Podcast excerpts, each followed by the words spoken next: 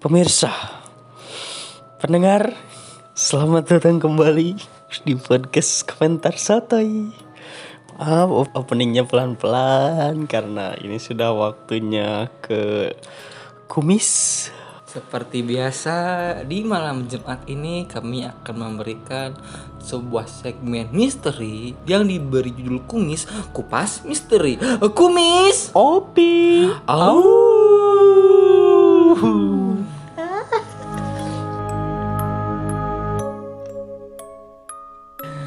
Jadi di episode kali ini kita akan ngebahas sebuah hal yang sangat relate dengan orang-orang Indonesia Hmm. Tentang tentang guna-guna tentang pelet, eh, teluh ataupun santet sebagainya lah eh, beberapa multifungsi. ya ilmu-ilmu hitam lah Betul, karena bisa digunakan di mana saja guna guna. Hmm. jadi bro jadi di zaman modern serba digital dan modern ini diyakini masih ada sejumlah orang yang bersekutu dengan setan dan menggunakan sihir untuk tujuan tertentu Ya mungkin saja ada guna-guna online juga. seperti geliga online Geliga online. Itu yang kemarin. Geliga online. jadi jadi bro ya sihir mungkin banyak orang awam yang belum tahu bro jadi sihir itu berasal dari bahasa Arab yang aslinya Sahara Oh, Syahara Syahara. gunung pasir ternama di Arab Salah jangan coba nyanyi kalau Anda tidak tahu. Zakia itu bener bener kan Zakia ya bener ya. Bener. Zakia itu Bener saya jadi Nah, Sahara. jadi Sahara itu artinya adalah waktu antara gelap dan terang.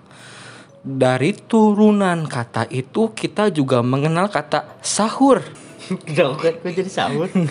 yang artinya makan pada waktu hari masih gelap.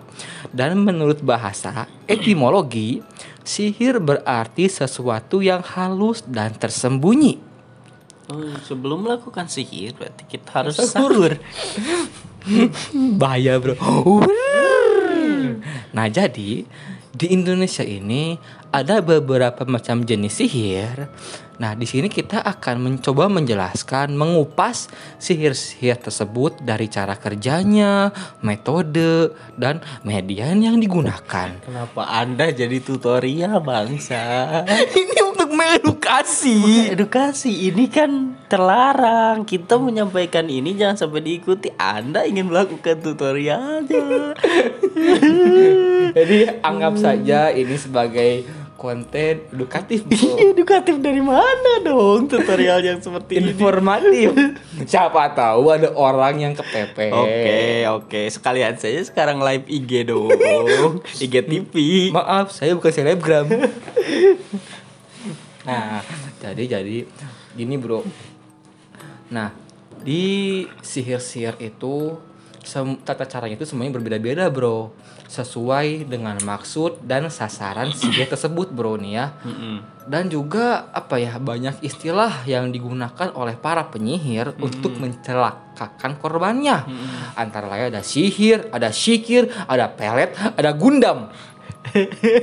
Oh, jadi orang-orang yang sekarang merakit Gundam itu melakukan ilmu sihir Anda. Berhala itu. Gendam, Bro. Oh, gendam. bukan bukan gundam, bukan. Gendam, gendam. Ya. Itu gendam. Gendam, gendam ya. Nah, jadi dan juga selain itu ada sihir-sihir yang termasuk sihir paling ganas ataupun liar, hewan liar. Atau sadis lah gitu ya. Sihir yang sadis itu antara lain tenung, santet, dan jamet. Janges. Janges. Bukan jamet. Kalau jamet itu TikTok sekarang. Ya demi jamet guys nih jamet. Nah, jadi jadi pada dasarnya teluh, tenung, gendam, santet serta guna-guna selalu dikonotasikan sama yaitu ilmu hitam. Tuh. Ilmu-ilmu yang mempunyai kekuatan mencelakai ataupun membunuh. Ya. Hanya saja cara mempraktekannya, sarananya, medianya, serta pengaruhnya berbeda-beda antara satu dengan yang lainnya, bro. Nah, jadi dukun santet tersebut bisa menggunakan beberapa jenis bahan untuk disatukan sebagai media, bro. Nah, kemudian pencampuran dari berbagai benda tersebut dirapalkan sebagai mantra pemanggilan jin peruangan. Apakah Anda tahu jin ini apa, bro? Jin jin ruangan, pewangi. Jin peruangan apa yang nggak tahu saya. Nah, ternyata bener, bro. Ya kan? Ternyata bener bro yang anda katakan tadi bro Dalam prakteknya sang dukun terlebih dahulu akan melakukan puasa Iya, emang emang seperti itu. Selama tiga hari Iya, berturut-turut Biasanya bukan cuma untuk pelet, telur, yang lain untuk kekebalan tubuh juga biasanya. Oh, jadi kalau mau Untuk- kebal iya, juga puasa biasanya dulu. Puasa, mandi kembang, malam mandi malam-malam di empang. Mandi malam-malam anak kebal tapi anda akan stroke Ya, tidak stroke juga dong. Eh, Angin duduk. Encok Jadi cangkeng Jadi cangking gele. Nah jadi bro, sang dukun itu akan terlebih dahulu melakukan puasa selama tiga hari berturut-turut, yang dimulai pada hari Selasa dan diakhiri pada hari Jumat atau sebaliknya bro. Nah jadi nih, jadi kita kali ini akan masuk ke pembahasan pertama, yaitu adalah ilmu santet.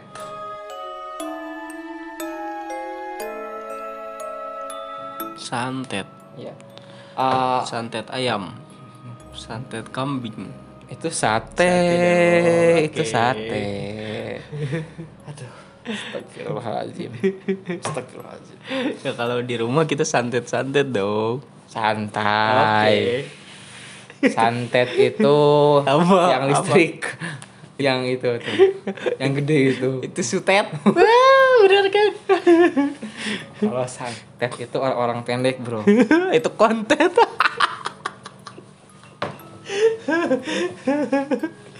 Nah, jadi santet ini ialah jenis sihir paling ganas, Bro. Korbannya setelah terkena santet bisa muntah darah, baru sangat mulas dan demam dengan tanpa sebab yang jelas seperti tipes padahal bukan, Bro. Nah, jadi adapun yang disebut misa hitam. Misa hitam adalah praktik penyihiran seorang dukun biasanya berpakaian kumal dengan cara-cara tertentu, Bro. Nah, dalam prakteknya, si dukun tersebut duduk sambil mengucapkan mantra-mantra di tengah sesajen berupa kemenyan utuh, candu, cermin yang membentuk setengah lingkaran, Bro. Oh, setengah lingkaran ya, ya, ya. Kalau lingkaran bulat gitu untuk menangkal beruang laut. Dan jangan memakai topi bodoh. Jalan pincang. Itu SpongeBob, Bro.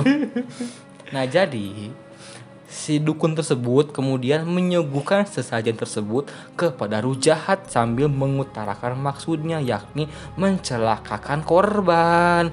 Bila ia menghendaki korbannya meninggal, maka kemenyan itu akan dihancurkannya menjadi butir-butir kecil yang dibungkus dengan kain putih kemudian diikat mirip mayat. Nah, ini Apakah setelah mendengar ini Mari kita kupas Apakah Anda pernah mendengar cerita yang sama bro Yang berkaitan dengan ilmu santet ini? Banyak sih sebetulnya. Kalau di kampung-kampung hal yang seperti ini tiba-tiba orang sakit gitu. Dari asalnya jag-jag gitu ya istilahnya. Jaguar ringkas. Ya, jaguar ringkas tiba-tiba jadi sakit itu sakitnya itu biasanya lama perlahan-lahan. karena diguna-guna sih. Kemudian bagaimana? oke oke. Iya seperti itulah. Hmm. Itu gimana eh? Tolong jelaskan dulu. Penjelasan cerita anda itu belum jelas. Tolong tolong tolong. Misalnya orang kaya nih. Orang kaya Orang tiba-tiba. kaya orang kaya orang miskin orang Orang miskin. ah, ya orang kaya, saya orang kaya. Bagilah anaknya. Gitu.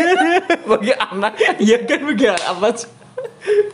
Tolong bro, kita lagi kumis Ya, bro. ya, ya, Tolong, lagi tolong, kumis. tolong. Ini sebenarnya tidak seram komedi ini. Wah, saya senang sekali kumis seram. Jadi di dalam setiap hal misteri kita akan mengambil hal-hal yang lucunya bro.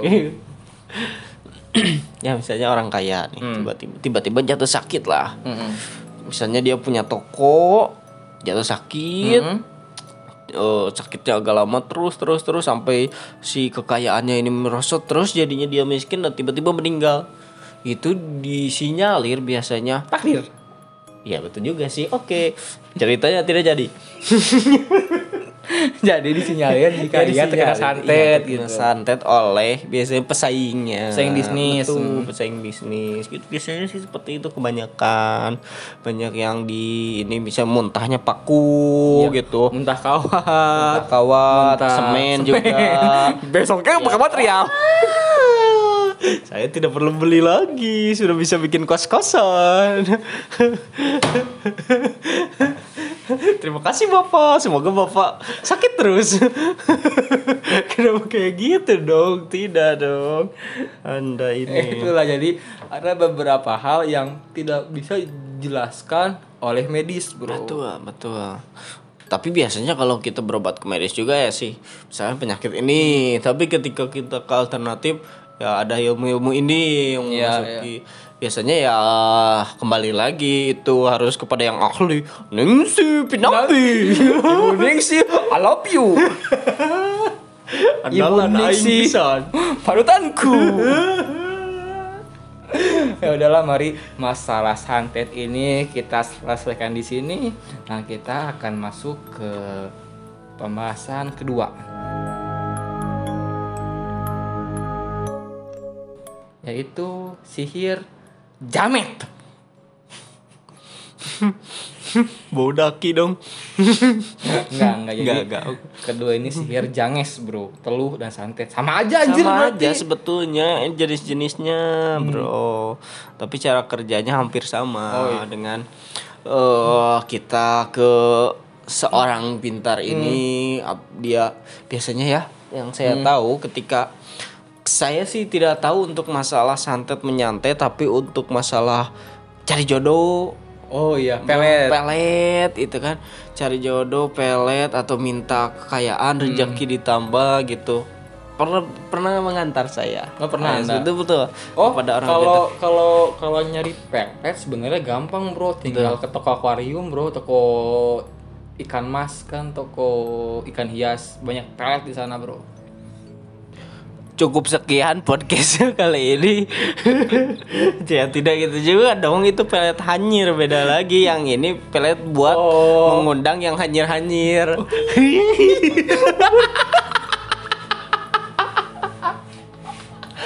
Goblok.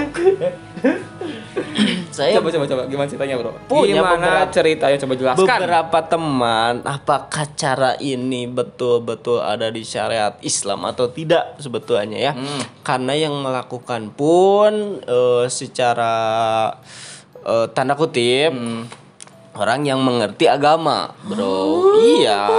Kebanyakan seperti itu yang mereka lakukan juga wirid sampai beberapa malam. Itu kan Oh, iya, bagus juga kan sebetulnya membaca bacaan Al-Quran. Tapi dengan niatan misalnya si anak ini pengen punya jodoh atau bisa menarik lawan jenis. Itu ada bro. Teman saya bisa begitu. Dan contohnya dia bercerita sendiri bahwa lah, eh, perempuan itu gampang terpikat oleh dia sendiri. Lanjut, Bro, lanjut, Bro. Iya hal-hal yang seperti tadi itu sampai mana ya? Saya lupa. Sampai wanita tersebut mudah ya ya ya ya. Ya hal yang seperti itu teman saya ketika bercerita sendiri banyak wanita yang gampang tertarik oleh dia ketika memakai hal-hal seperti ini susuk misalnya ya susuk. Tapi bukan arti kata yang kita tahu susuk itu ditempel di gimana. Enggak. Sebetulnya ada juga hal yang bisa dilakukan dengan doa-doa. Ada doanya tersendiri bro sebetulnya. Untuk membuka aura. Ya dan yang melakukan ini yang ngerti agama juga. Oh, yes, Apakah itu dibenarkan atau tidak kan saya tidak tahu. Tapi ketika si susuk ini dilepaskan misalnya ah saya sudah tidak mau karena sudah terlalu banyak wanita yang mau sama saya kan pusing juga misalnya kata teman saya. Dihilangkan itu langsung Bisa. hilang juga. Bisa. Bahkan ketika model ini aja ilmu kebal yang saya ceritain tadi Ah. sampai harus mandi Kembang. mandi kembang gitu. Bahkan sampai ada yang dimasukkan jarum itu kan. Itu saya melihat sendiri sampai melihat sendirilah hal yang seperti itu sudah tidak aneh makanya banyak di Indonesia sebetulnya Masih menjamur ya. ya Ya, marilah, marilah. Kita akan masuk ke pembahasan selanjutnya, Bro. ya Ketiga ini ialah namanya tuh cukup unik, Bro. apa Sihir melepas burung. ya Pasti Anda baru dengar kan? ya secara tidak langsung bilang saja sunat Si melepas burung Itu bukan melepas burung, memotong. oh iya Nah, jadi jadi sihir ini banyak dilakukan masyarakat jahiliyah dengan bantuan burung. Caranya, burung yang ada di dalam sangkar dipaksa ataupun dihardik untuk segera terbang. Jika burung terbang ke atas atau ke samping, ke kanan atau ke depan, maka itu suatu tanda bahwa rencana jahat yang dimaksud bakal berhasil. Sebaliknya, jika terbangnya ke bawah, ke kiri, ke belakang, itu berarti tandanya kegagalan. Sebab itu niatnya harus diurungkan, bro. Nah, tapi kalau burungnya malah senam, burung senam berarti belum ada sedang ereksi dong jika burung Anda senam, maka ia adalah guru SKJ. pemanasan. Burung yang sedang pemanasan. Ketika banyak ibu-ibu pemanasan dan dunia menjadi panas darurat. Burung global warming. global warming. Aneh-aneh sih sebetulnya eh, mungkin itu bisa dibilang mimilikan Iya. ketika burung dilempar itu kan tidak bisa dikontrol ke mana meramal mungkin Iya, itu iya. ya itu meramal Bisa jadi, ya bisa meramal ya Soalnya gue tuh baru denger bro Ya. ini dengan metode ya burungnya baru, baru tahu seperti bro. ini bro anda pernah mendengar nggak Apa, bro, ketika burung sweet uncuing tahu tidak Oh tahu ya. nah, Wih, nah, nah itu Aha. ketika misalnya di rumah itu mendengar su- Hmm. suara bunyi sweet uncuing kan biasanya Berinding bro. Akan ada yang meninggal kan Iya. iya itu seperti sudah ada dari dulu omongan-omongan seperti Ada itu mitosnya Iya, ya. seperti Ah, itu Oke oke lah. mitos Jadi selain metode melepas burung juga ada yang lainnya yang berkaitan dengan burung bro, yaitu metode sihir menggunakan suara burung. Maksudnya gimana sih Nah, jenis ini juga sama menggunakan burung ya, tapi didengar suaranya, Bro. Bila mendengar suara burung hantu, Ya. diyakini pertanda bakal ada orang hamil. Bila ayam berkokok di waktu maghrib, tandanya bakal ada yang berbuat zina. ya ya ya saya pernah mendengar itu Dan masih banyak contoh-contohnya yang hingga kini masih diyakini oleh masyarakat Indonesia. Apakah Anda pernah mendengar yang ini, Bro? Coba jelaskan. sering mendengar tapi saya tidak tahu asal usulnya kenapa si burung itu misalnya eh, tiba-tiba sada gitu ya istilahnya tiba-tiba bersuara saya gitu apakah ini ulah misalnya si pembuat sihir ini Eh. ah kita membunyikan ini supaya tiba-tiba si perempuan ini hamil kan tidak mungkin Apakah itu pengiriman sperma lewat online? Jalur gaib? Jadi hamil? Iya, iya. Apakah ini cuma mitos pertanda ataukah ini bisa kiriman gitu? Ya. Jadi kan diyakini bro di dunia ini ada beberapa kejadian paranormal yang tidak bisa dijelaskan. Bisa jadi pertanda ataupun bisa jadi memang ada orang yang berbuat jahat bro gitu. Tapi ya lebih baik di waktu maghrib daripada mendengarkan ayam jago lebih baik kita beribadah. Iyalah, kan lebih bagus juga ketika maghrib pintu jendela semua itu ditutup. Tutup memang. Tuh. Anak kecil semua harus masuk ke rumah. Kalau nggak masuk diculik kue gombel. Iya, betul. Kamu masih berenang-renang di gulung gulung sama. Ada tahu tidak? Gunung Samak apaan? Gunung Samak ada tidak? Enggak, enggak. Ini ada mitos lagi. Apa, bro, apa, bro? sebenarnya ini harus dibahas episode lah. Oh ya, oke lah, nanti- mitos-mitos. Nanti kita akan Banyak ini. di episode ke depan Ya. Kumis akan membahas mitos. Betul. Oke, mantap. Bagus. Marilah, marilah, lagi. marilah kita masuk ke pembahasan ilmu sihir selanjutnya.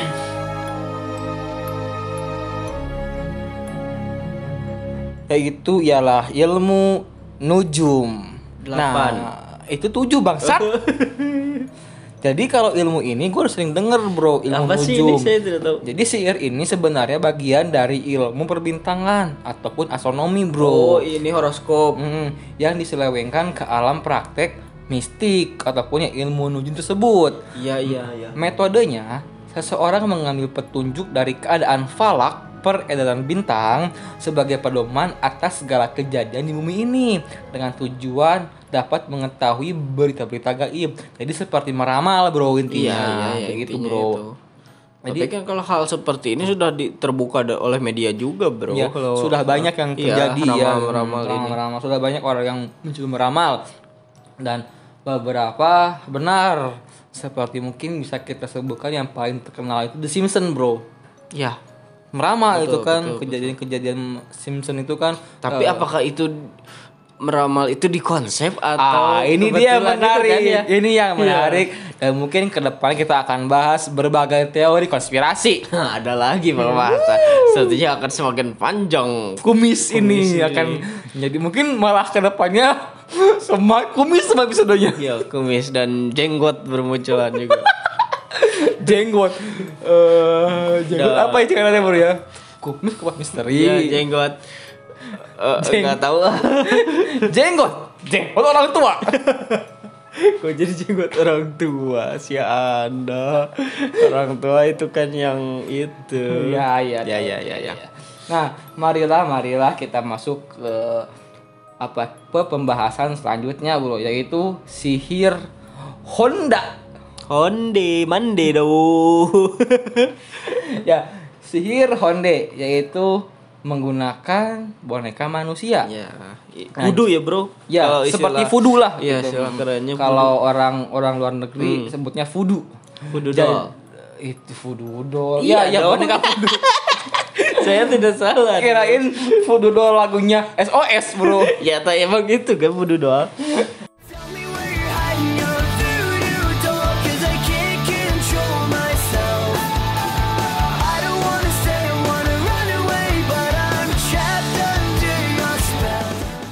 Nah, jadi-jadi nih ya, metode sihir ini dengan cara membuat boneka manusia dengan berwajah binatang seperti anjing, babi, dan sebagainya. Tujuannya agar dapat mengubah wajah manusia cantik atau sebaliknya, bro. Ya, Sihir ini termasuk ganas sehingga sering disebut teluh jika si korban sam- sampai meninggal. Namun jika korban hanya berubah muka saja disebut sihir pilemburan. Oh ini kata, kata Sunda bro. Kalau Sunda namanya pilemburan. Dan jika berubahnya itu hanya pada penglihatan si korban, maka disebut sihir simsalabim. abrakadabra. Seperti yang Bim, digunakan bimbo. tukang sulap, bro. Hmm. Jadi maksudnya apa ini? Saya tidak tahu. Jadi sihir ini tuh ialah untuk merubah rupa orang-orang, bro. Jadi misalkan nih, Oh, iya, anda nggak suka sama si Ah, A, jadi si A ini dilihat oleh orang lain juga berbentuk ini Iya, jelek misalnya. biar jelek gitu, bro. Jadi seperti sihir yang tadi, bro. Apa yang anda sebutkan tadi itu Iya, sa- iya. eh, pe- apa pelet gitu ya? Nah, Tapi itu. sebetulnya hal seperti ini tidak perlu dilakukan oleh hal yang ahli juga dong. Hmm? Misalnya ketika saya ingin membuat orang ini seperti anjing dan membuat anjing dia orang. Anjing. Udah seperti anjing. Orang-orang yang suka pinjam duit tapi susah kembali. Ini nih saya kutuk menjadi anjing benar-benar anjing sekali kamu. yang suka minjem duit nggak balikin itu memang keterlaluan anda. Anda tidak berkata kasar. Kami niat menolong Anda, tetapi ketika kami menagihnya, Anda dengan seribu alasan menolaknya. Tidak mengembalikan, berbagai alasan Anda keluarkan. Hmm, tolong, Anda tolong. berubah wujud menjadi inu inu nomi Anda. Inu inu nomi. Inu inu nomi anjing anjing. Ah, Jadi ini bro ya ini sihir ini bisa kalau menurut gua ya sihir ini tuh bisa digunakan dengan dua maksud bro. Satu maksudnya untuk membuat jelek lawan jenis Ya. ataupun lawan orang yang kita nggak sukai. Dan juga bisa membuat kita menjadi cantik dan rupawan bro. iya. Jadi kalau ke, ke orang nih, ah pengen jadi jelek jelekin. Mm-mm. Tapi kalau ke sendiri, ah pengen cantikin di repawain di gantengin bisa kan gitu bro. Ya, berarti kita bisa ke diri sendiri juga ya, Bro. Jadi kita nggak usah jauh-jauh ke Korea buat operasi plastik. Tinggal melakukan sihir honde ini saja. Iya, makanya yang saya tadi bilang kan, teman saya juga pernah melakukan ini untuk memikat kaum-kaum wanita supaya tertarik melihat dia seperti melihat Raffi Ahmad, Brad Pitt. Brad Pitt. Melihat seperti ini peri. Ah, jangan mimi peri dong. Kasiannya ya. Kasihan dong, jangan sebut-sebut lah. Eh, melihat seperti ah Ya, ter- terganteng dong. ganteng, rambutnya bagus, warna-warni kayak ayam di depan Mantan mantannya cantik-cantik, Bro. Anda tidak tahu, makanya Anda harus jadi aha geng dong. Etim, etim. Tersolid, terkece, ter ter ter ter ter, ter, ter goblok. Tapi sekarang saya sudah tidak ngepes dengan Ata. Sekarang saya berpindah pada Soi Halilintar. Tapi parah. Eh, si- Cipentol. Sa apa ya nama penggemarnya itu? Sudah Saha. Tidak penting. ya ya ya ya. Jadi marilah kita masuk ke sihir selanjutnya, Bro. Nah, sihir selanjutnya ini dinamakan sihir asihan. Sihir ini berupa mantra atau jampi yang dipraktikkan untuk membuat guna-guna Biasanya di Bogor ya, Bro ini. itu asinan. Ah, Anda tahu juga Tahu ternyata melesetan saya. Mm, agar orang-orang menjadi terpikat. Jadi sama seperti pelet Ya, tadi, ya bro. Ya, bacaan sihir ini selain tidak jelas juga sudah bercampur dengan aji saka. Contoh lafalnya yaitu Sang Ratu Bedigul Putih, Sang Ratu Bolek, Bak Bodas Ulah Heri, Kerbobokor, Kor Kor Kor, Maka Kidap, Maka Rep Rep Rep Rep, Asihane si Tolong, tolong Anda jangan seenaknya nanti ada yang datang. Ini- jangan seenaknya Anda membaca ini. Tolong. Ya, anda dicerna dulu dong, jangan seenaknya aja. Ya ditulis. Dia ditulis jangan dipraktekan ya. Kenapa Anda tulis goblok? Yang bikin artikel ini siapa anjing? Ini kita rekod malam-malam dan Anda juga membacanya. Ah, gila bener-bener. Udah udah selesaiin aja lah. Bro, bro, bro, bro, ini jangan dipraktekkan ya. Jangan dipraktekkan. Anda sudah menyebutkan sampai beres tadi sang seng song itu. Aji saka aji saka ini, kor kor kor ini. Anda tidak membaca dulu akhirnya kenapa Anda Salah, baca? baca. Saya jadi muringkak ini tolong. Mudah-mudahan ini cuma pelet cinta, tidak ada pelet yang lain-lain ini. Anda Jadi udahlah kan sudah agak chaos. Ya, benar, Marilah benar. kita masuk ke pembahasan terakhir. Benar, benar, benar.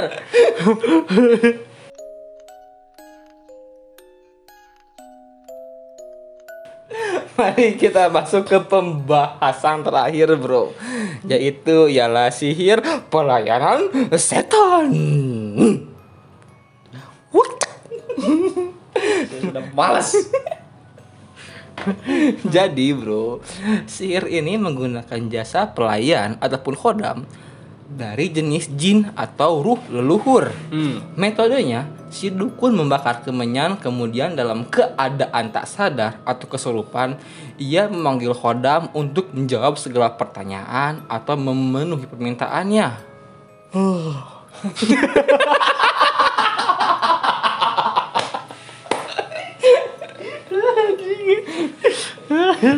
Ya, ya, ya, ya. Terus, terus.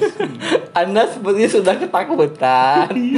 Anda sudah tegang, bro.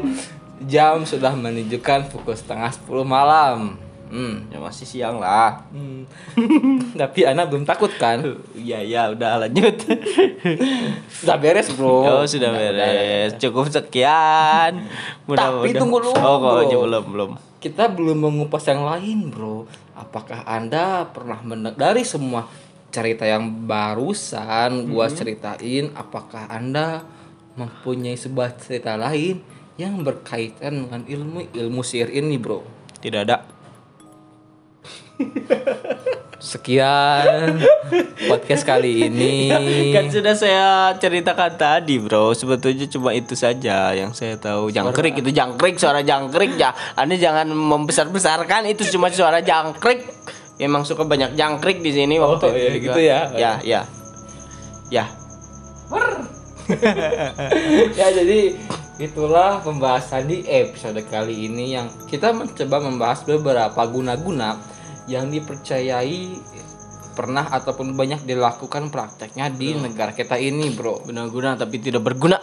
ya jadi tolonglah kita kembali mengingatkan hal-hal seperti ini. Jangan diperlakukan jangan dilakukan jangan ya. dipraktekkan gitu.